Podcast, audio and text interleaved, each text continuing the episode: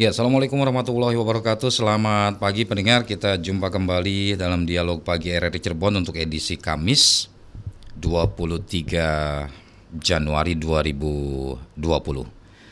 Dan pagi hari ini kita akan membahas mengenai efektifkah penerapan kawasan tanpa rokok KTR di Kabupaten Cirebon. Sudah ada narasumber kami pendengar yang hadir di studio program satu Radio Republik Indonesia Cirebon. Yang pertama uh, kita sapa terlebih dahulu ada Bapak Muhammad Lutfi. Uh, beliau adalah Ketua DPRD Kabupaten Cirebon. Assalamualaikum, selamat pagi Pak Lutfi. Waalaikumsalam warahmatullahi wabarakatuh. Pagi. Baik. Kemudian juga ada Bapak Agung Gumilang SSMSI, Kabid Pemerintahan Sosial Budaya Bapak Elit Bangda Kabupaten Cirebon. Assalamualaikum, selamat pagi Pak Agung. Assalamualaikum warahmatullahi wabarakatuh. Selamat pagi Pak. Kemudian juga hadir di studio ada Dr. Haji Edi Susanto MM, Kabid Kesmas Dinkes Cirebon ya. Assalamualaikum, selamat pagi Pak Haji Edi. Waalaikumsalam warahmatullahi wabarakatuh. Selamat pagi semuanya. Ya, Pendengar, uh, nanti Anda juga dapat berinteraktif melalui telepon di 0231849329, SMS dan WhatsApp RRI Cirebon di 081324951935 ya. Semua orang berhak dilindungi kesehatannya dari paparan asap rokok orang lain. Salah satu upaya untuk melindungi tersebut adalah dengan menerap, menerapkan kawasan tanpa rokok. Karena dengan diterapkannya KTR memungkinkan masyarakat dapat menikmati udara bersih serta terhindar dari resiko yang ditimbulkannya. Seperti halnya pendengar pemerintah daerah Kabupaten Cirebon pada tahun 2016 telah menerbitkan peraturan Bupati nomor 55 tentang kawasan tanpa rokok.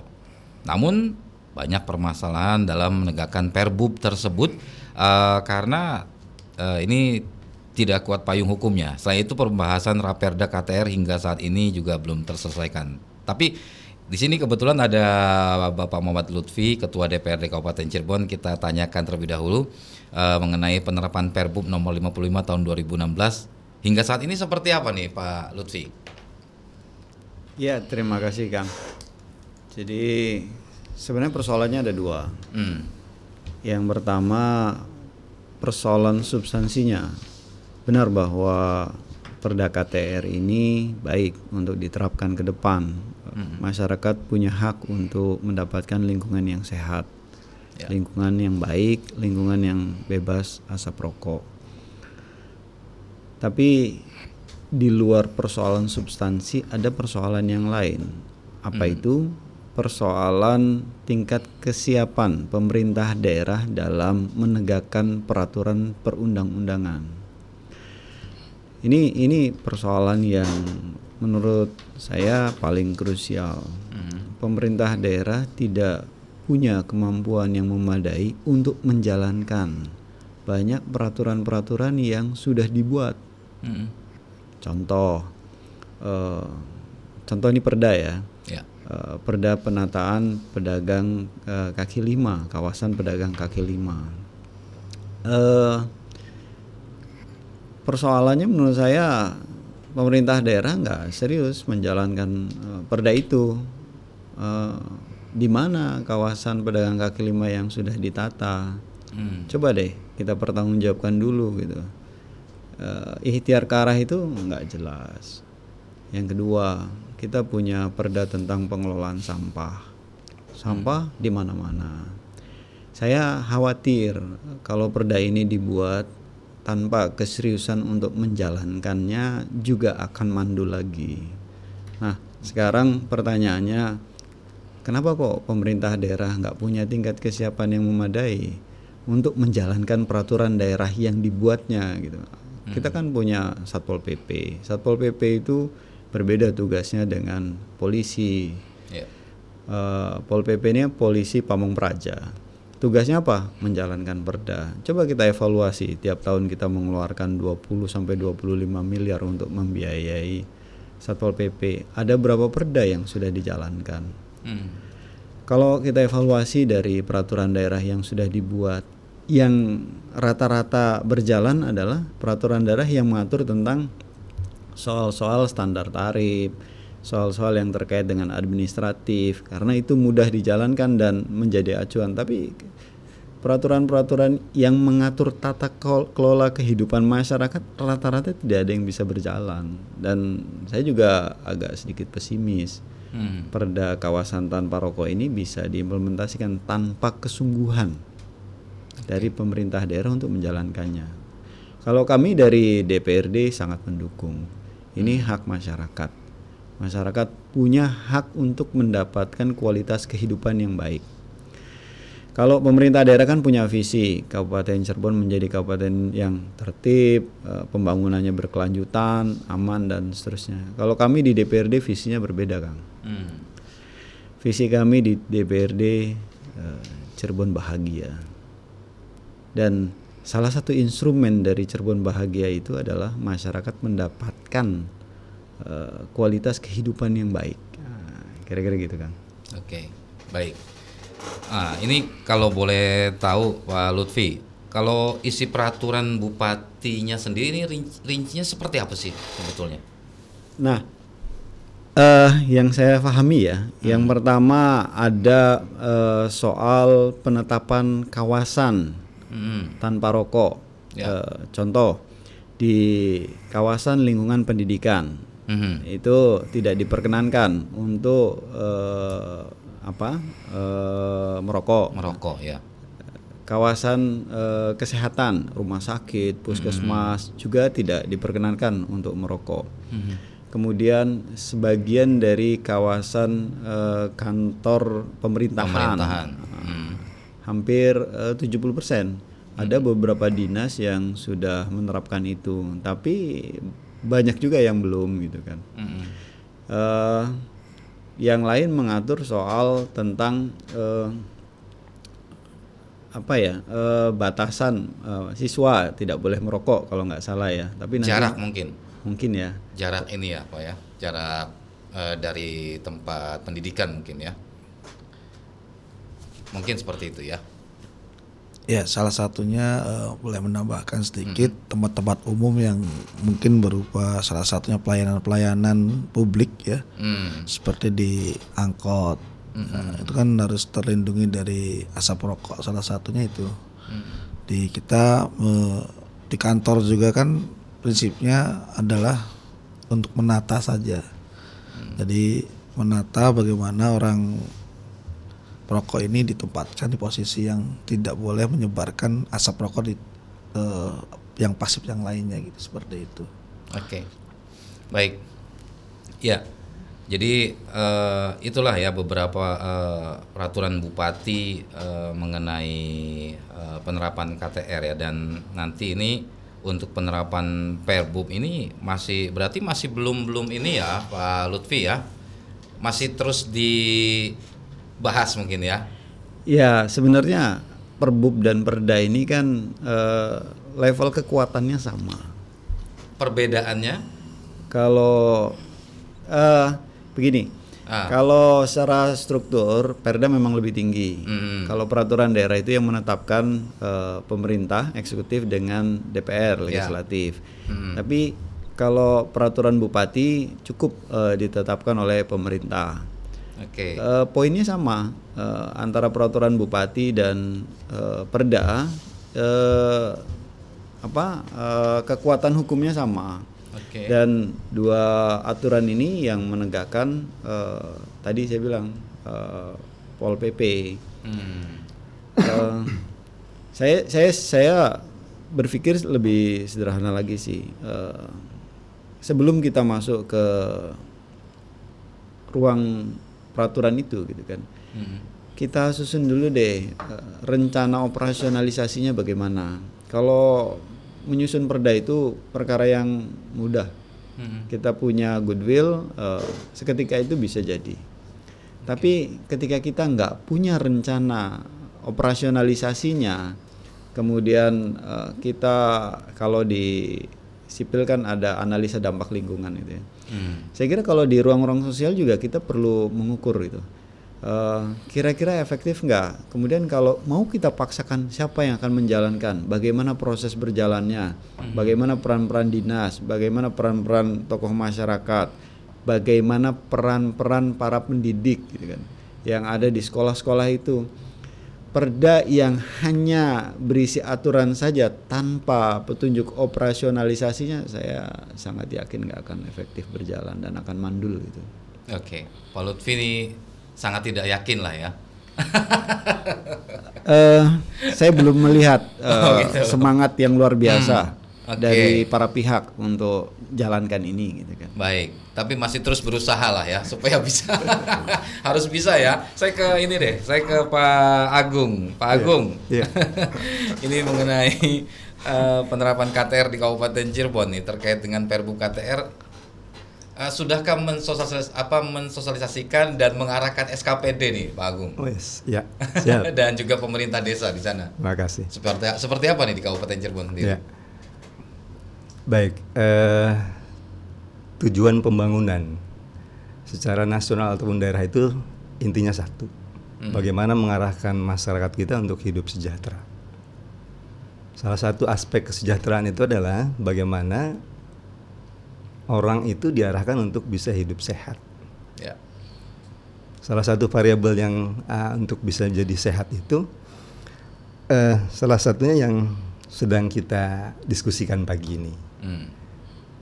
Jadi eh, angka harapan hidup masyarakat Kabupaten Cirebon yang terpetakan dalam data statistik terakhir itu sampai di angka 72 tahun. Daerah-daerah lain ada yang sama tapi ada juga yang sudah lebih dari itu. Ada beberapa hal yang menjadi eh, mempengaruhi kualitas angka harapan hidup ini. Salah satunya adalah bagaimana kita membiasakan diri untuk berpola, berperilaku hidup bersih sehat. Dengan dasar itu maka pemerintah bahkan secara terpusat itu dalam peraturan bersama antara Menteri Kesehatan dan Mendagri nomor 188 tahun 2011 itu sudah menggagas adanya satu regulasi pedoman pelaksanaan KTR yang bisa diberlakukan secara nasional.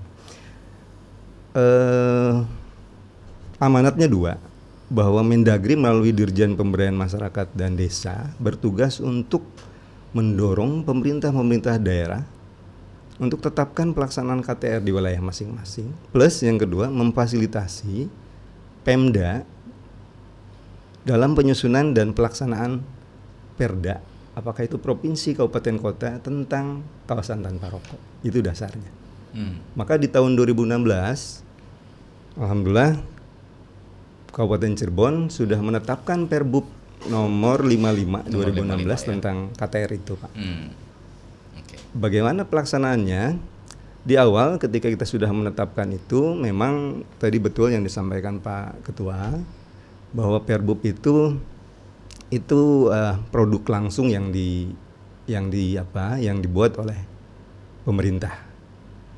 Tapi substansi di dalamnya sebetulnya idealismenya eh, sama apa yang akan kita arahkan juga mudah-mudahan kalau misalnya ini memang ah, berhasil diperkenalkan diperkenankan disetujui semua pihak Mhm.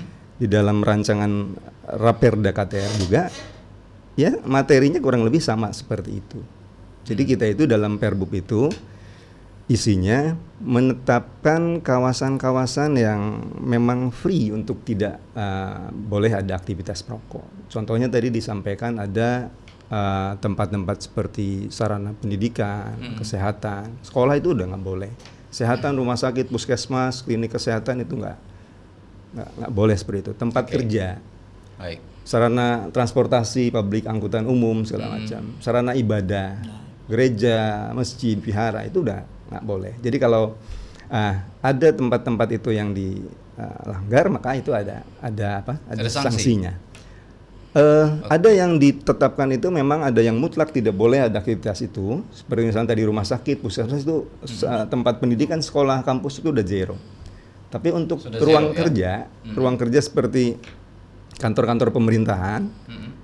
Itu tidak boleh eh, beraktivitas merokok tapi masih dibolehkan kepala SKPD itu untuk membuat satu spot Hmm. kawasan merokok terbatas atau zona merokok ditempatkan di ruang terbuka.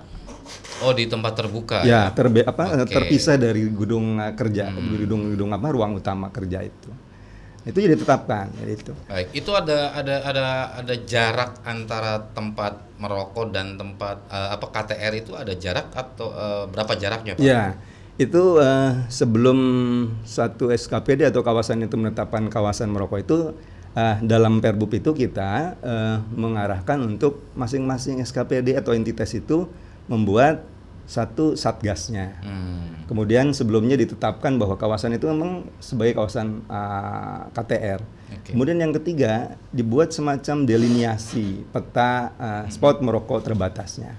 Oke. Nah, di ruang uh, gedung utama tentunya ya. Hmm. Yang jelas kita untuk bisa melindungi para non perokok itu. Non-perokok, Gitu. ya. Karena justru yang yang kita arahkan kan yang uh, yang non perokok itu ya. sebetulnya. Karena Hmm. tadi tujuan utamanya adalah bagaimana masyarakat itu untuk hidup sehat. Baik. Nah, evaluasi eh, yang kita dapatkan memang ada yang sudah kita setelah kita sosialisasikan mereka menerapkan eh, secara mutlak seperti itu. Ada juga yang masih baru sebatas apa pemasangan banner, spanduk segala macam tapi belum sampai ke eh, secara radikal di- dilaksanakan di eh, kantor-kantor tersebut. Ada juga yang sama sekali belum melaksanakan.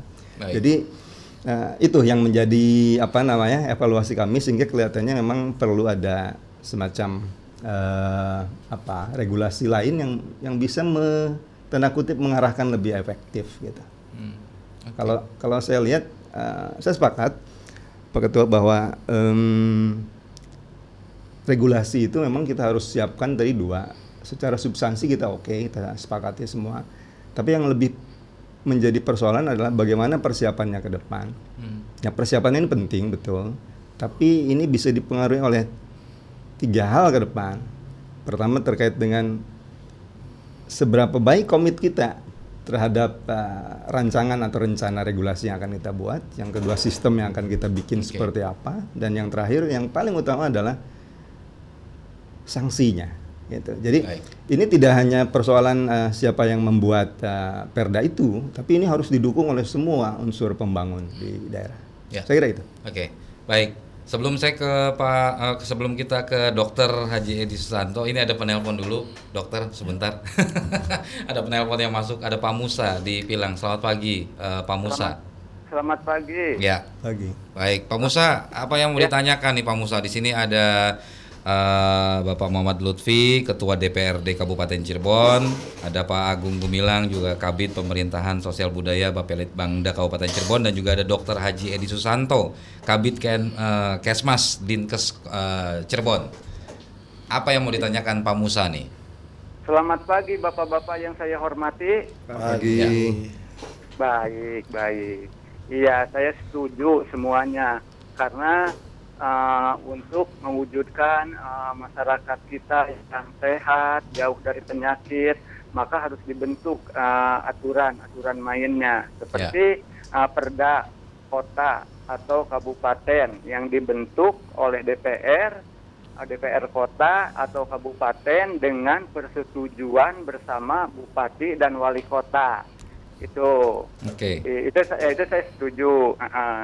Ta- ah, akan tetapi masyarakat kita sebenarnya sih ah, belum belum ini belum sepenuhnya memahami hal itu bahkan sebelum undang-undang dibuat Mhm. jauh hari sebelum itu ah, masyarakat kita yang mayoritas penduduknya Islam udah dibekali kebersihan sebagian dari iman Oke. akan tetapi kenyataannya di masjid masjid itu masih saja ada puntung rokok, ada tumpukan sampah, Oke. yaitu. Iya. Dan, Baik. dan ini eh, saya perlu juga disampaikan, Mhm.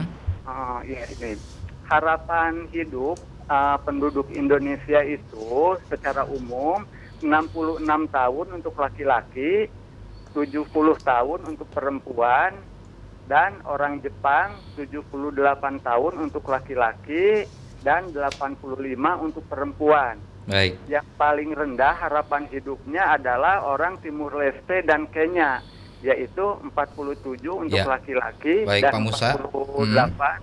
Nah, Eh, di sini mohon maaf Pak Musa, ini. ya apa yang mau ditanyakan nih kira-kira?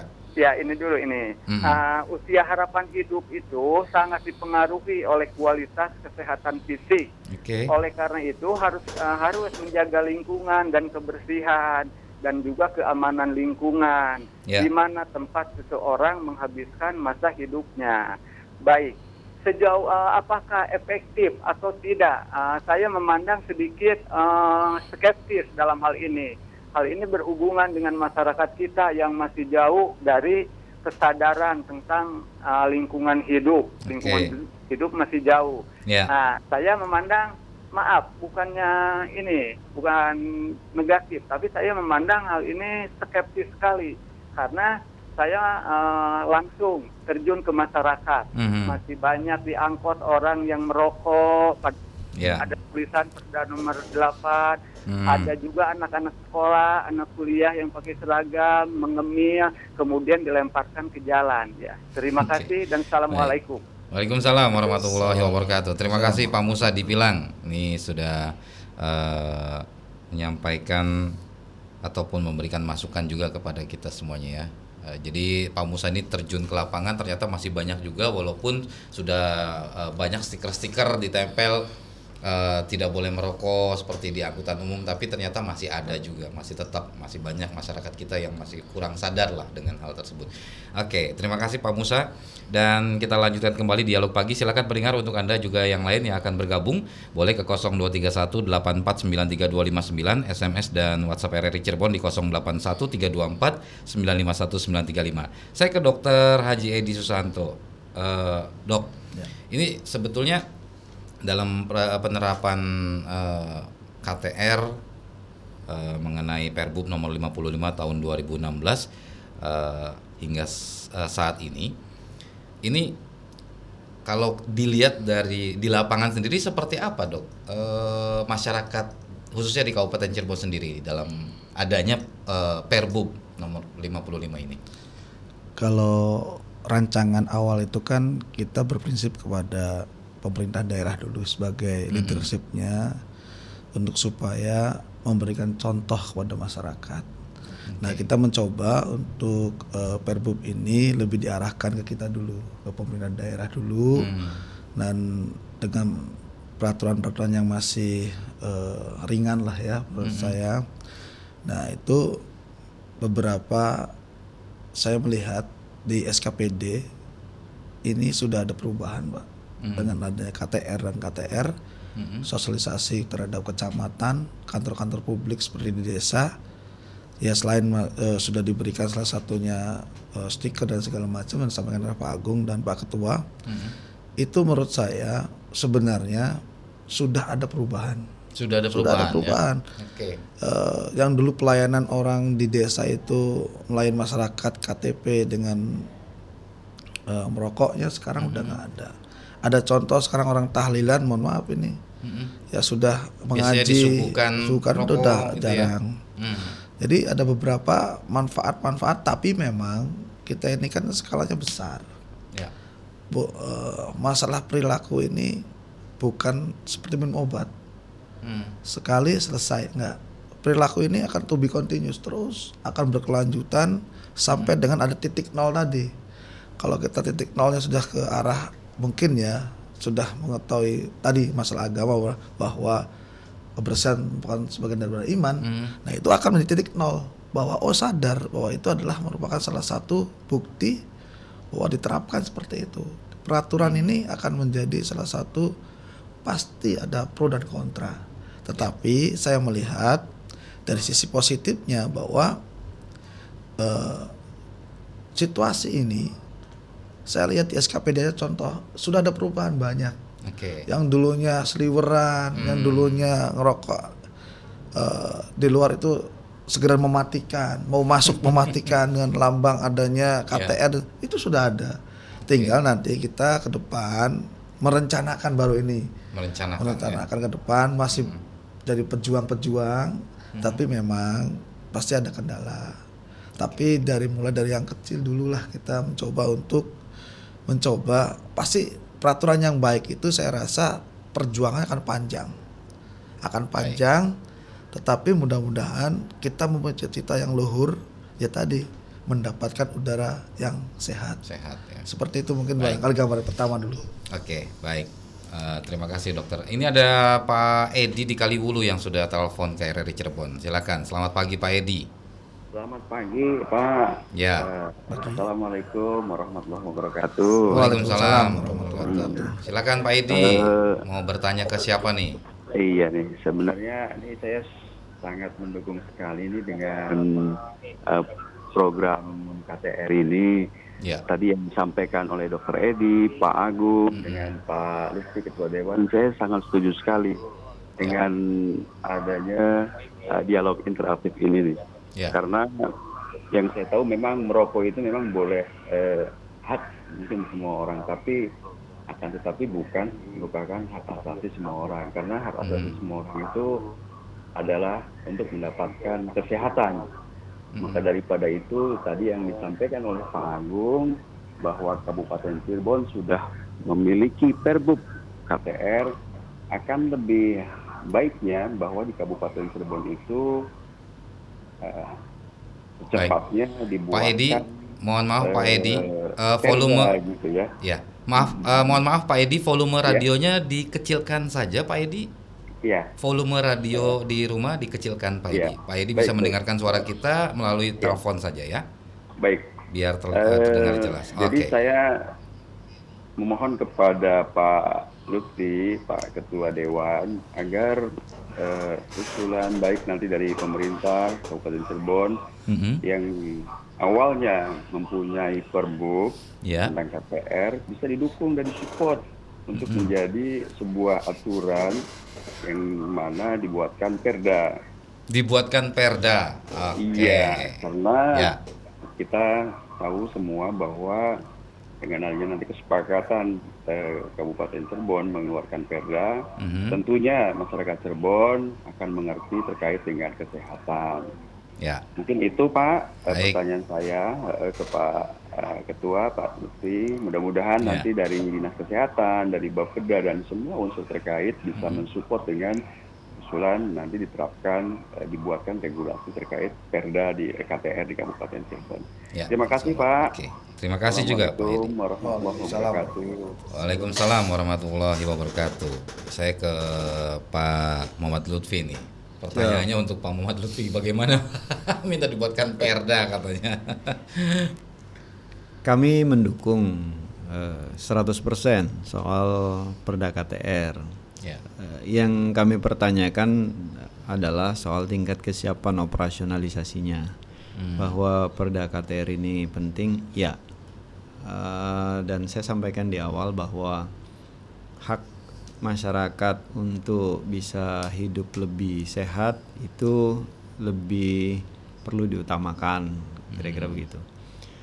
Nah, eh, kalau prosedur yang biasa kami tempuh eh, di awal tahun kami selalu eh, membahas peraturan-peraturan daerah apa yang harus kita tuntaskan di tahun ini Ya. yang prioritas mendesak dan langsung bisa menyelesaikan persoalan-persoalan yang ada di masyarakat.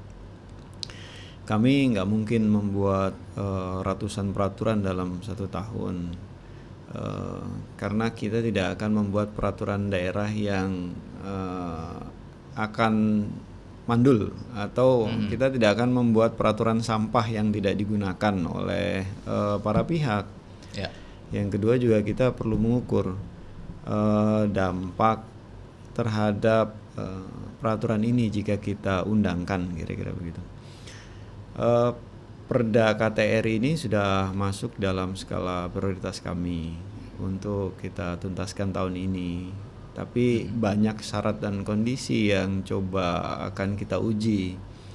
Bukan hanya KTR saja, eh, Perda MDTA, kemudian Perda tata kelola sampah, eh, Perda soal peningkatan pendapatan asli daerah, banyak banyak perda yang yang yang akan kita coba dorong tahun ini. Eh, sebagai contoh Kang ya, Kota Bogor mengeluarkan Perda KTR. Mm. Eh, kemudian diinterupsi oleh Dirjen Otonomi Daerah. Perda KTR yang dikeluarkan oleh Pemkot Bogor ini memang terlalu tajam melarang pemasangan banner-banner produk rokok yang Ya. ini akhirnya diprotes oleh asosiasi dan akhirnya gaduh. Karena gaduh kemudian terjadi dinamika sampai teman-teman Kemendagri turun tangan. Eh, bahasa dari mereka peraturan daerah tidak boleh bertentangan dengan peraturan di atasnya. Artinya sebenarnya ada kepentingan yang lain. Eh, bisnis cukai tembakau ini kan bisnis yang masih diandalkan oleh pemerintah pusat juga dalam menopang eh, APBN tapi kemudian eh, mungkin terjadi kompromi. Kalau saya sebenarnya eh, mendukung dengan catatan, dengan catatannya eh, kita bikin perda yang kira-kira operasional deh. Eh, eh, tentang penetapan kawasannya oke banget. Pendidikan, kesehatan, kawasan publik, Tempat ibadah, dan ya. pembatasan-pembatasan ini menurut saya efektif Ya. untuk mengatur pola orang merokok diatur gitu kan. Mm-mm. Nah, kita tidak melarang orang merokok tapi diatur, jangan di tempat-tempat ini. Nah, itu itu bagus sekali. Ya. Yang kedua soal banner-banner ini, saya kira kalau dipaksakan masuk dalam pasal juga akan jadi masalah. Di Bogor aja ditarik gitu kan Nah, tentang pasal itu gitu kan. Nah, soal yang lain, soal tentang eh, kewajiban pemerintah untuk melakukan kampanye misalnya. Eh, sekarang kan saya belum terlalu melihat banyak kegiatan-kegiatan yang sifatnya lebih persuasif, kampanye anti rokok misalnya gitu kan. Ya. Nah, ini perlu dilakukan dan sebenarnya kampanye terbaik itu dari ruang pendidikan. Anak-anak SD ini harus sudah mulai dikampanyekan. Saya melihat kita belum mengatur soal itu. Eh, pendidikan karakter anak usia dini ini penting sekali untuk membentuk manusia yang berkualitas ke depan dan ini belum masuk di dalam muatan lokal kurikulum kita gitu kan Mm. rokok, narkoba, eh, soal miras, soal bagai leadership, soal macam-macam lah. Pembentukan karakter ini menurut saya penting, termasuk rokok di dalamnya. Jadi jawaban saya eh, atas pertanyaan Kang Edi kita mendukung eh, 100% eh, doakan mudah-mudahan peraturan daerah yang dihasilkan berkualitas dan bisa operasional. Walaupun saya juga sepakat dengan Kang Musa, saya juga skeptis juga nih jalan apa enggak ini perda ini kan. Iya. Oke, baik terima kasih Pak Lutfi eh, sudah menjawab pertanyaan dari Pak Edi di Kali Wulu. Ya, kita masih lanjutkan kembali dialog pagi ini pendengar. Dan untuk Anda yang akan bergabung kembali boleh silakan ke 0231849329 SMS dan WhatsApp RRI Cirebon di 081324951935. Ada pertanyaan dari Ibu Widya di Desa Kedawung. Ya, penegakan Perda eh, Tibum sampah dan nantinya KTR ini perlu adanya perhatian dan komitmen serius dari kepala daerah selaku pimpinan tertinggi organisasi perangkat daerah OPD. Eh, silahkan duduk bersama antara kepala daerah, DPRD, OPD terkait penerapan Perda tersebut dan Satpol PP selaku penegak Perda. Libatkan pula komponen pembangunan lainnya yang sering didengung-dengungkan eh, apa nih pentahelix. Oke, terima kasih untuk Ibu Widya di Desa Kedawung.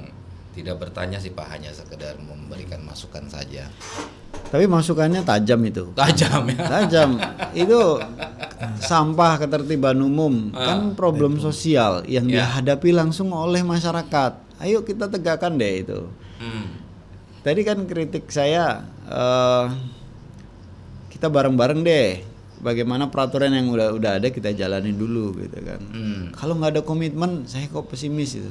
Jadi Perbub dulu kita jalankan begitu Pak? Tanya, tanya, enggak, eh, enggak ini soal yang tadi perda Oh sampah. gitu. Tanya nih ke Mas Agung, Mas, kenapa kok sampah nggak selesai-selesai di Kabupaten Cirebon? Padahal perdanya galak gitu, Ah. soal sampah gitu kan. Karena yang saya tahu kalau tidak salah ini Pak Lutfi, Ah, ah. Pak Agung. Ya. Kalau udah masuk Perda itu kan tidak hanya sekedar pelarangan untuk perokok saja kan?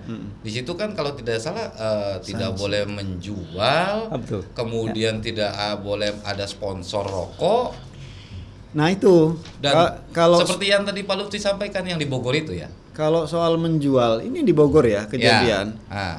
Eh, tokonya itu di di di disidak sama satpol pp Mhm. bahwa tokonya mau ditutup karena Ya. menjual rokok. Kemudian dibawalah deh surat edaran dari wali kota. Ah, ah. Akhirnya eh, ribut gitu kan. Mm. Ini bukan ini bukan eh, toko retail menjual rokok, bukan. Ya. Kejadiannya nih, kejadiannya rumah makan tidak boleh menjual rokok gitu kan.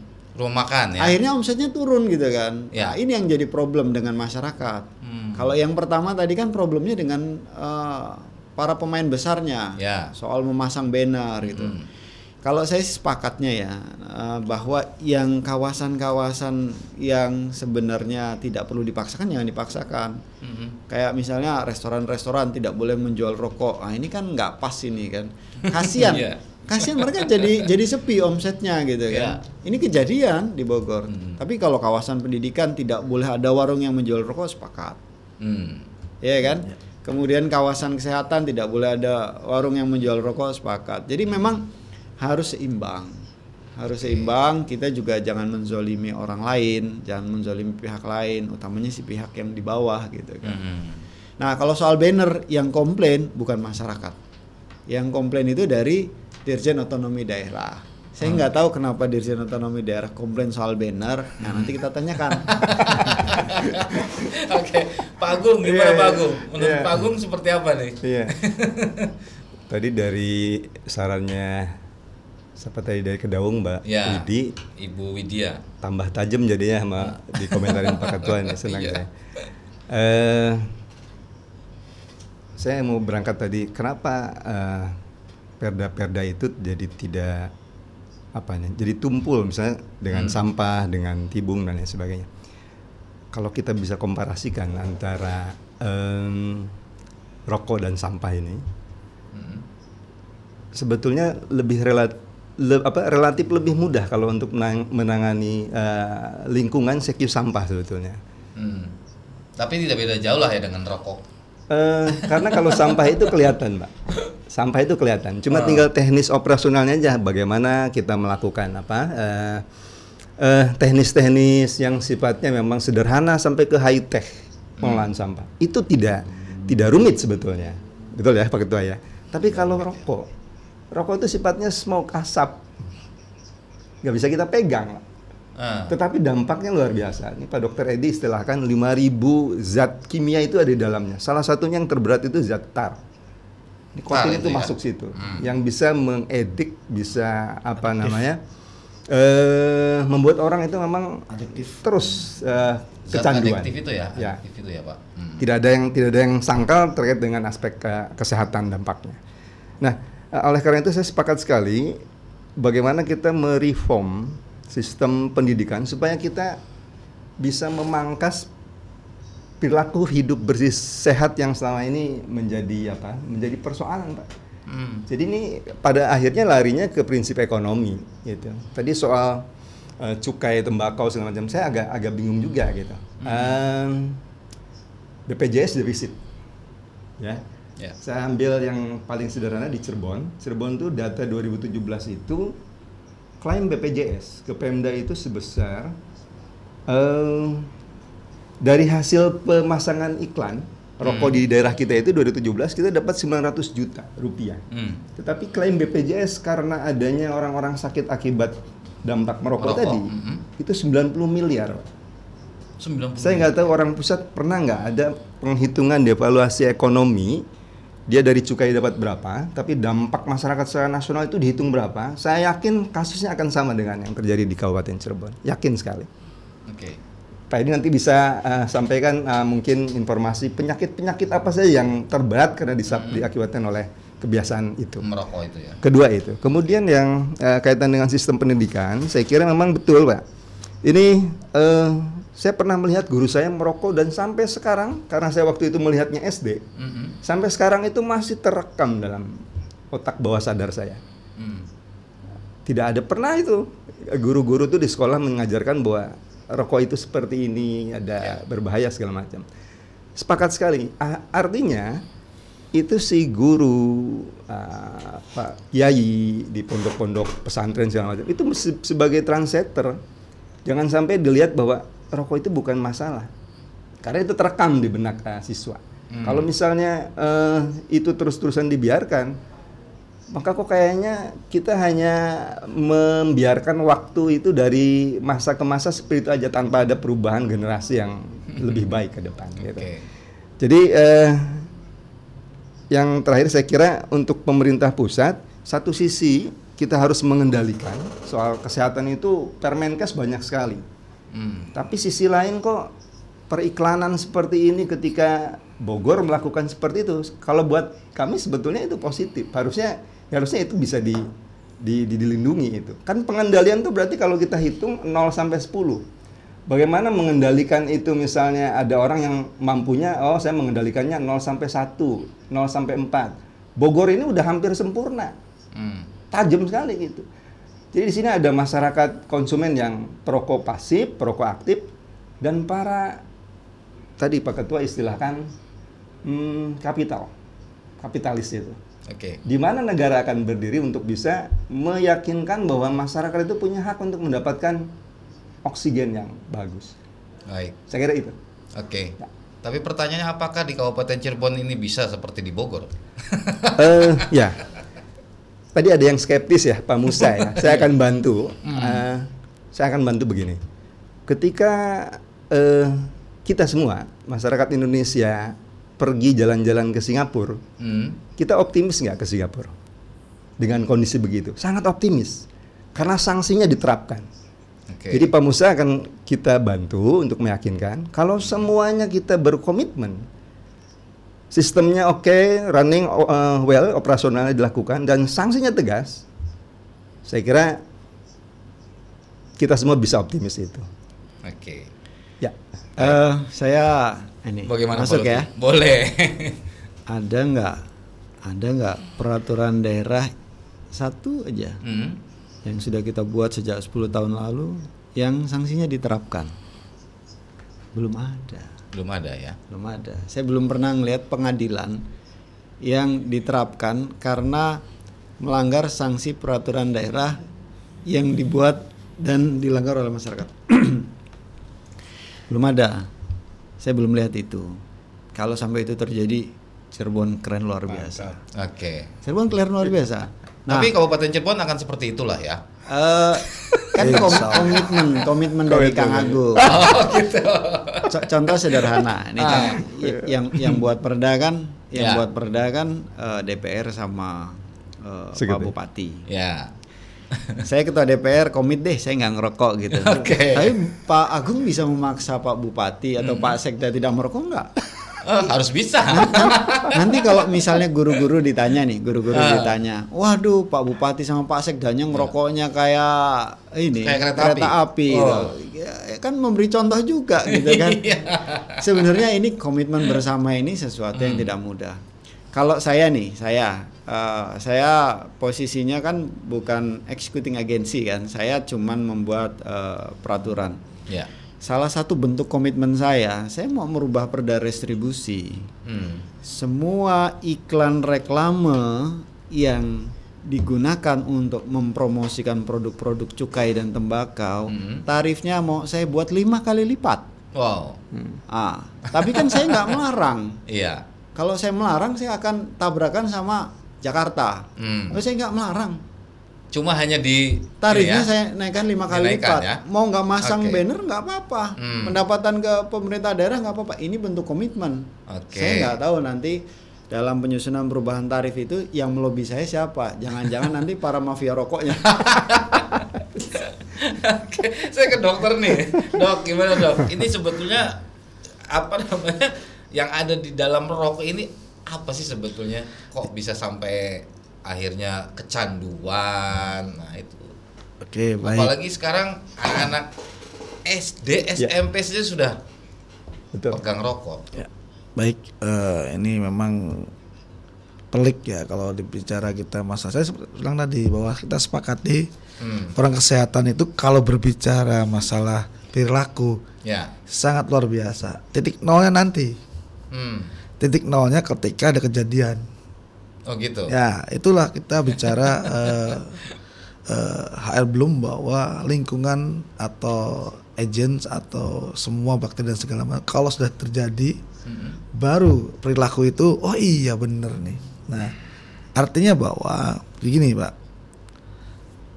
Masalah perda atau perbub itu sebenarnya bukan masalah peraturan. Hmm. Ya, artinya bahwa di dalam sesuatu yang masuk ke dalam tubuh kita itu selain makanan yang bergizi, selain makanan yang aman, Hmm. ya dikonsumsi oleh tubuh kita, ya akan berbuat baik, akan baik tubuh kita ini. Ya. Tetapi ketika sesuatu yang zat di luar eh, makanan asupan hirupan kita yang ditentukan oleh kesehatan bahwa contoh lah misalkan tempe tahu dimakan kan nggak masalah. Ya. Nah, tapi ketika zat eh, lain CO2 asap knalpot masuk ke hidung kita, ah, bisa dibayangkan. Iya. Nah, itu contoh sesuatu yang tidak diperkenankan oleh tubuh kita. Ya. Cuman permasalahannya dari segi kesehatan manusia ini mempunyai zat antibody itu masalahnya, Pak. Hmm. Nah, zat antibody ini, imunoglobulin ini adalah bagaimana manusia mampu bertahan. Nah, karena merasa andaikan rokok itu menjadi salah satu seperti narkoba, tek meninggal, tek sakit, Hmm. tek. Nah, itu akan lebih apa? Akan lebih jelas bahwa peraturan harus dibuat. Tetapi kembali lagi ke Pak Agung, ini menjadi salah satu bentuk perilaku yang tuh nggak masalah, tuh nggak ada apa-apa kok. Nah, inilah makanya dalam hal ini masalah rokok ini adalah eh, narkoba, baknya itu adalah zat adiktif lainnya. Nah, zat adiktif lainnya ini termasuk di dalamnya adalah Undang-Undang tahun 36 tentang kesehatan 2009 bahwa tembakau itu merupakan salah satu zat adiktif. Tetapi skalanya kecil. Nah, inilah yang menjadi problematika hal-hal yang berhubungan dengan itu tadi. Dan dampak dalam tubuh kita ini masih kecil, Pak. Cuman prosesnya akan lama. Hmm. Jadi rokok ini seperti perilaku. Ya. Ya, karena perilaku lama, penyelesaiannya akan lama juga. Hmm. Gitu. Dan itu menjadi hal bisnis yang luar biasa. Ya. Nah, inilah manusia itu karena tidak apa? Bahwa rokok ini tidak harus dipotong menjadi sesuatu yang cepat, tetapi akan berbuntut lama. Nah, inilah menjadi eh, skeptis tadi. Kita pesimis juga kan. Hmm. Nah, artinya bahwa masalah rokok ini terdapat 4000 zat racun yang ada di dalamnya itu dampaknya kecil, Pak. Tetapi kan proses akan mengendap. Hmm. Nah, mengendapnya tadi saya bilang tadi bahwa ada zat antibody manusia yang akan bertahan, Pak, di situ dengan zat tadi. Hmm. Beda dengan kita mengkonsumsi narkoba. Ya. Coba narkoba dikonsumsi satu bulan aja, kamu bisa amblas itu. ya, artinya seperti itu. Ya, oke. Tapi kalau rokok itu kan Baik. tidak. Ya. Rokok sehari bisa 20 batang juga Hmm. ya masih Masih aman. hidup saja gitu. Masih aman. nah, itu yang menyebabkan kenapa Ya. perilaku manusia itu baik dari segi ekonomi, dari segi kesehatan, oh ini nggak ada masalah, tambah Oke. apa-apa. Cuman kita kembali lagi kita sebagai orang kesehatan bahwa pemerintah daerah ya khususnya eh, pemerintah itu mau mencanakan saja, merencanakan, memberi usulan bahwa ini adalah amanat undang-undang Hmm. yang harus dijalankan. Adapun dampaknya seperti apa, memang pasti pro kontra, Hmm. ya kan? Nah, bagaimana peraturan ini dibuat dan tadi supaya tajam, supaya ada eh, pisaunya yang kuat, Hmm. ya sebenarnya duduk bareng, komitmen bareng, harus berani, harus berani.